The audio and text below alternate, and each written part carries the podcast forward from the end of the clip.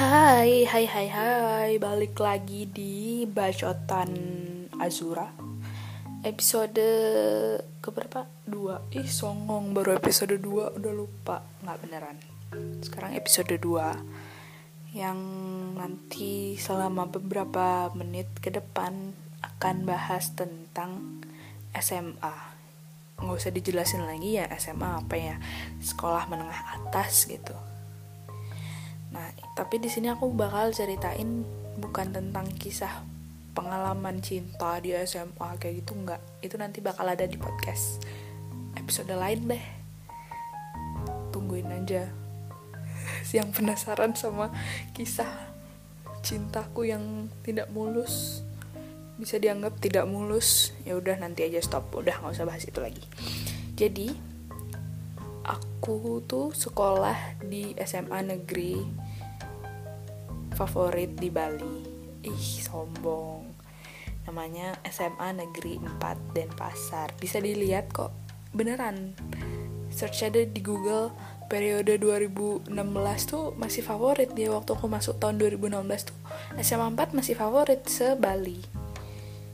Kalau nggak salah juga masuk SMA favorit se Indonesia 10 besar. Kalau nggak salah ya. Aduh jangan sombong coba deh lihat 10 besar deh kalau nggak salah. 10 besar SMA terbaik di Bali eh di Indonesia. Gitu. Tapi kalau salah ya mohon maaf.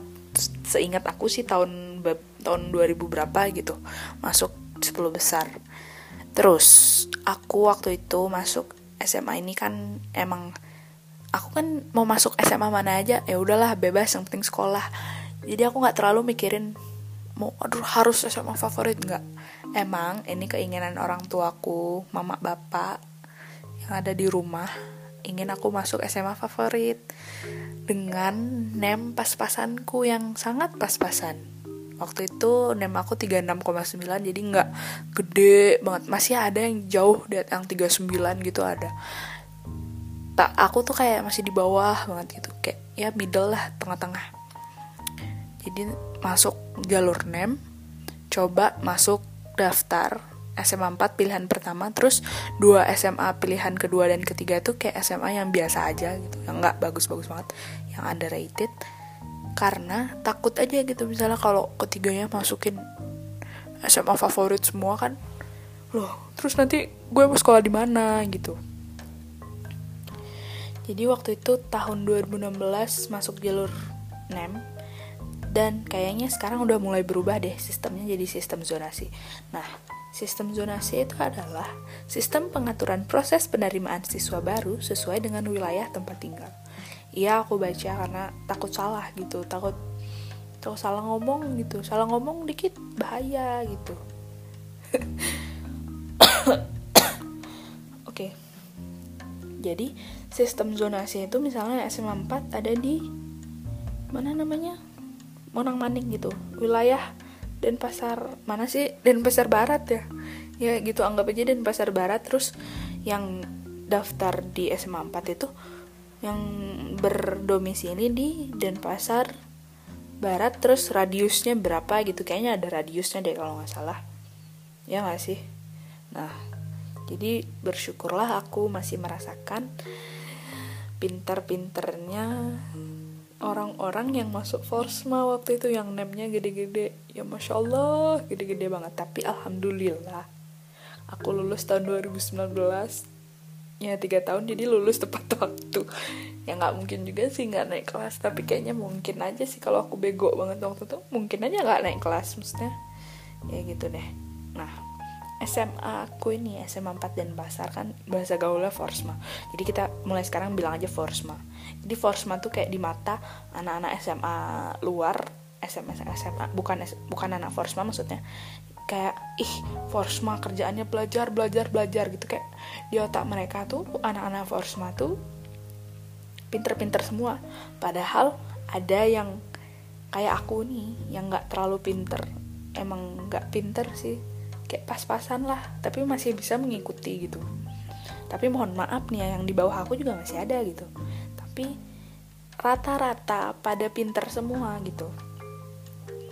Jadi ya anak-anak Forsma di mata anak-anak SMA lainnya gitu. Kayak belajar tugas gitu. Jadi kemungkinan banyak anak-anak yang nggak mau daftar di Forsma karena takut nggak bisa ngikutin pelajarannya atau takut sama tugasnya. Nah di Forsma tuh juga kayak tugasnya tuh banyak banget kayak kita dilatih buat persiapan kuliah gitu kan kuliah tugasnya banyak tuh. Terus jadi dari SMA tuh udah belajar tugas banyak tugas banyak tugas banyak. Nah gitu kan. Terus waktu itu juga Forsma menerapkan Pemsor.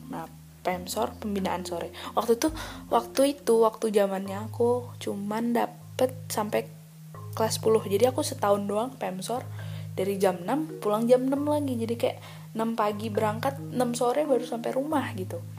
Jadi ngapain aja di sekolah kan belajar terus tugasnya banyak gitu. Pemsor kan aduh gila tuh capek belajar capek. Aku untung setahun doang tapi itu angkatan aku deh kayaknya terakhir dapet pemsor. Jadi julukan Forsma tuh juga sekolah 6 tahun gitu. Jadi kayak double gitu kita sekolah kan. Orang lain pulang jam 1 jam 2 kita jam 6 baru ganti baju baru mandi baru rebahan di rumah. Ya aduh gitu deh. Tapi untung aku cuma setahun dan itu kayaknya aku kayaknya ya tolong koreksi anak Forsma kayaknya angkatan 35 ya. Angkatanku terakhir ngerasain premsor. Karena waktu itu oh ya kenapa diganti? Karena full day school tuh ada sistem baru. Nggak ngerti deh aku sama full day school yang yang oh ya dulu waktu premsor hari Sabtu kan uh, masuk sekolah tapi pulang cepet gitu Terus kalau full day school cuma sampai hari Jumat sekolahnya gitu. Karena full day school, Pemsor ditiadakan.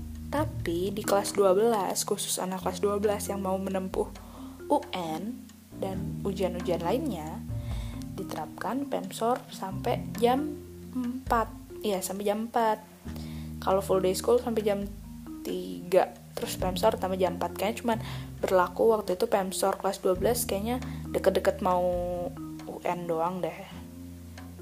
E, ada Pemsor gitu. Jadi Pemsor jadi ciri khas Forsma yang sebenarnya itu Pemsor dari jam 6 sampai jam 6 gitu. Nah jadi ciri khas Forsma udah hilang tuh sekarang kan. Dan belum tahu nih kayaknya gara-gara sistem zonasi full day school jadi semua tuh disamaratakan gitu sekolahnya. Jadi belum ada ciri khasnya masing-masing. Mungkin nanti ciri khasnya tuh dari jalur prestasinya mungkin prestasi di bidang akademik misalnya olimpiade atau non akademik gitu. Oke lanjut.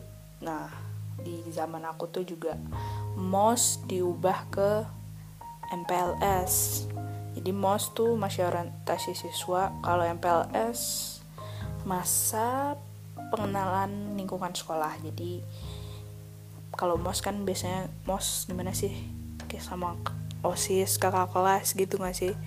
Kalau MPLS lebih banyak di pegang sama guru-guru kalau nggak salah Nah waktu itu aku ikut MPLS cuman bentar doang karena ada suatu dan lain hal yang gak bisa aku tinggalkan.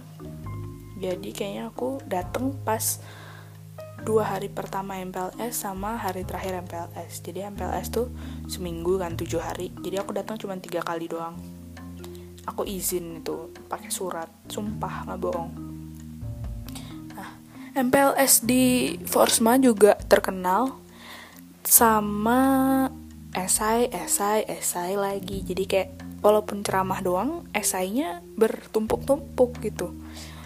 Nah waktu itu nggak yang nggak masuk juga disuruh buat tugas tambahan gitu kayaknya. Tapi dikumpulin di hari lain gitu. Jadi aku buat juga aku juga ngerasain buat esai bahasa Inggris bahasa Indonesia dan bahkan bahasa Bali. Aku ngerasain kok buat esai waktu itu teman-temanku yang bilang aku nggak ngerasain MPLS siapa? Aku ngerasain buat esai.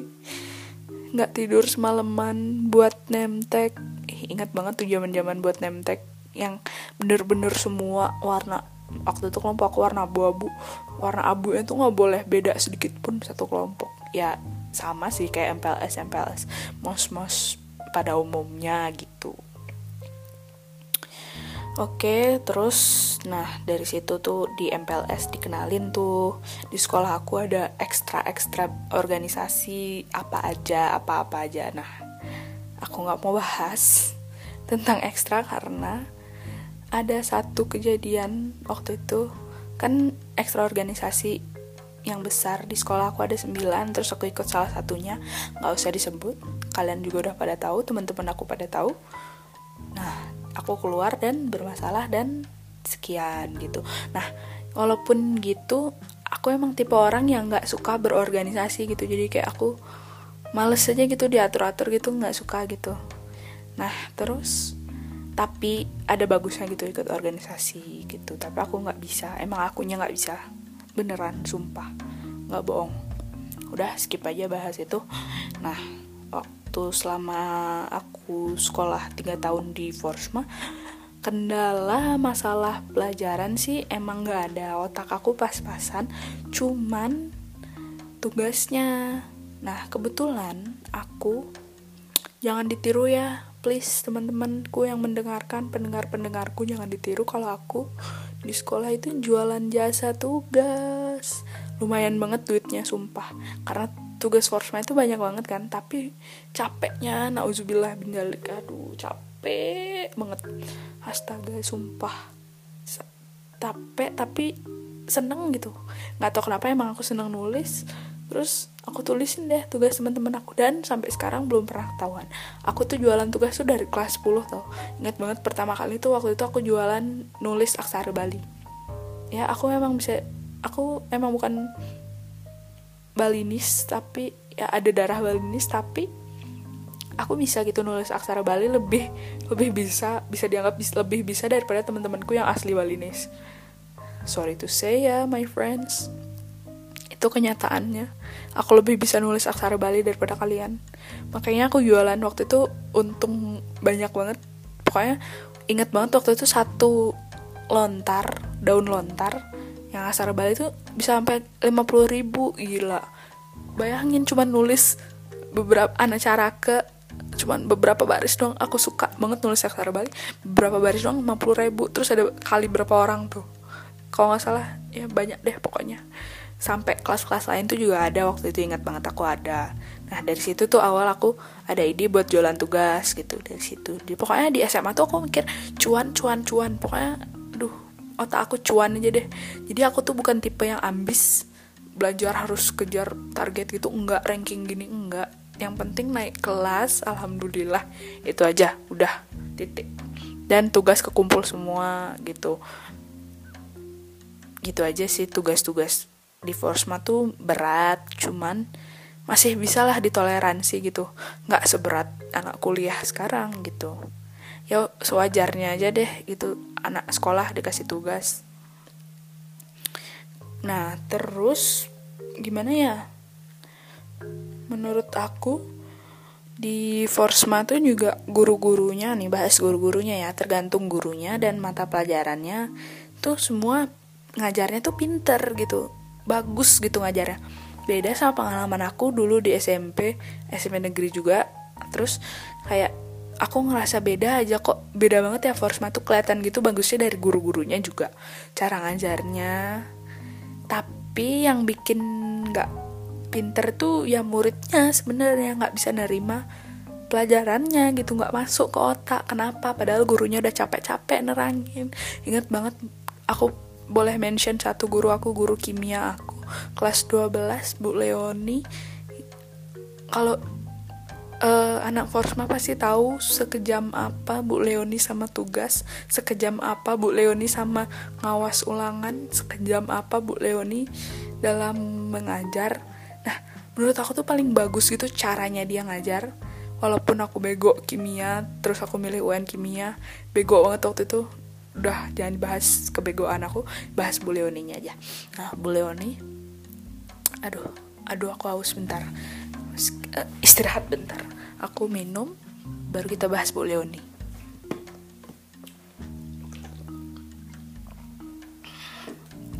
Oke lanjut bahas Bu Leoni. Jadi Bu Leoni uh, ngajar di sekolah aku lumayan lama maksudnya guru udah senior gitu yang katanya bentar lagi pensiun. Nggak tahu sih kalau dia pensiun bakal gimana nih murid-murid bakal pokoknya yang paling kita takutin tuh bukan pelajarannya bukan apanya tapi ibunya yang sistem ibunya di kelas gitu. Nggak boleh ribut ini duduk harus begini ada nemtek pokoknya. Uh aku cinta banget sama Bu Leoni cara ngajarnya ini. Pokoknya dia sifatnya juga keibuan gitu. Ya kalau anaknya Bu Leoni denger ini mungkin kalau Bu Leoninya denger ini mau ngucapin terima kasih sama Bu Leoni. Karena sudah ngajar dengan baik gitu. Pokoknya yang paling berkesan di Forsma guru yang paling berkesan menurut aku Bu Leoni yang bikin aku nggak bisa lupa sama dia. Pokoknya gitu deh. Tanya aja anak Forsma eh tahu boleh nih nggak? Pasti bilang tahu banget gitu. Cara ngajarnya tapi ya gitu deh pokoknya. Bu Leoni juara the best. Oh ya lagi satu Bu Leoni itu galak tapi cuman galaknya tuh kayak demi kebaikan gitu. Maksudnya gimana sih dia aduh susah deh. Aduh uh, galaknya tuh galak sewajarnya gitu nggak sampai mukul gitu kayaknya enggak deh. Maksudnya galaknya tuh ada gitu. Ada alasannya kenapa dia galak gitu. Terus nah di angkatan aku juga eh enggak sih kayaknya angkatan di atas aku deh yang UN-nya pakai UNBK jadi oh berarti aku bukan angkatan percobaan deh waktu itu jadi waktu itu UN 4 pelajaran dan aku mata pelajaran yang pilihan aku pilih kimia, begonya aku milih kimia, sangat percaya diri. Dan nilai UN aku tidak memuaskan. Gitu. Nah, saran buat anak-anak yang mau UN, please pilih biologi aja karena lebih gampang nyonteknya. Sumpah. Waktu itu ikut bimbel juga kan sama teman-teman aku nih satu kelas. Tapi satu pun pelajaran yang ada di bimbel itu nggak ada masuk ke otak cok sumpah bego banget aku. Selalu nongkrong buang-buang duit sumpah buang-buang duit ikut bimbel. Ya begitulah. Bimbel lebih baik belajar sendiri di rumah deh. Walaupun nggak ngaruh apa-apa bimbel buang-buang duit titik nggak tahu sih itu menurut aku kalau menurut anak-anak ambis bimbel ngaruh banget gitu terus tamat SMA aku udah nanti itu di podcast lain episode lain oke okay? nah aku kan di sekolahku SNMPTN, SBM gitu kan menurut rankingnya. Nah kebetulan waktu itu aku nggak bisa daftar SNMPTN karena ranking aku di bawah rata-rata ya sedih sih tapi emang aku emang nggak niat nyari apa namanya PTN maksudnya kan pengen gitu ada di ranking tengah-tengah tapi emang aku nggak bisa. Emang otak aku nggak nyampe. Aku aku itu. Aku mengaku kalau aku emang bego. Tapi dengan kebegoanku emang bego sih. Ya udahlah nggak usah deh nggak usah bangga banggain diri sendiri. Itu aja walaupun bego yang penting ada attitude-nya. Anjay. Duh. Udah udah udah. Stop. Terus nah yang lain kan pada daftar tuh. PTN sibuk PTN wangsit wangsit. Nah itu itu mereka belajar UTBK buat belajar SBM apa sih namanya? Aku nggak ngerti yang gitu-gitu. Jadi perbedaan UTBK sama SBM aku nggak tahu. Jadi soalnya aku nggak ikut. Dan emang nggak tertarik buat nyari tahu gitu jadi UTBK SBM pada belajar kan tuh. Aku nggak tahu waktu itu aku ngapain pas mereka lagi belajar belajar UTBK tuh kayaknya aku gabut di rumah abis graduation bulan April. Nah sampai April dari April sampai sekarang masih gabut juga tapi emang ada satu hal yang aku kerjain nggak bisa disebutin. Sumpah bukan yang aneh-aneh. Aku ngelakuin hal positif sumpah. Jangan pikir yang aneh-aneh. Kalau aku hal yang nggak bisa disebutin. Ada yang bilang PSK lah ih jijik banget sumpah enggak. Demi Allah demi Tuhanku yang Maha Esa aku melakukan hal positif selama dari aku tamat SMA udah itu aja. Walaupun banyak sih yang mikir aneh-aneh karena emang aku nggak mau ngasih tahu aja emang nggak pantas buat dicerita eh pantas sih diceritain cuman aku nggak pengen aja diceritain. Pantas sumpah pantas diceritain. Kalau kalian penasaran chat aja aku beneran. Aku aku bakal kasih tahu tapi kalian harus harus apa ya? Ya udah tahu aja gitu. Terus nah ngapain sih aku? Aku juga bingung waktu mereka sibuk-sibuk SBM UTBK tuh kak ih nilai aku segini. Aku ya emang nggak ikut gitu nggak tertarik buat nyari tahu gitu. Tapi anak-anak SMA zaman sekarang please kalau mau daftar PTN belajar dengan rajin harus ambis nggak boleh setengah-setengah terus Jangan patah semangat buat belajar. Nah, menurut aku, kalian lebih penting belajar UTBK, SBM, dan segala macam buat nyari PTN daripada belajar UN. Karena nilai UN cuma gak berlaku sama sekali di mana-mana. Eh, nggak tahu sih. Menurut aku, nilai UN, bagiku nilai UN SMA aku nggak penting. Ya, sekian bahas nilai UN yang jelek. Nilai UN ku jelek.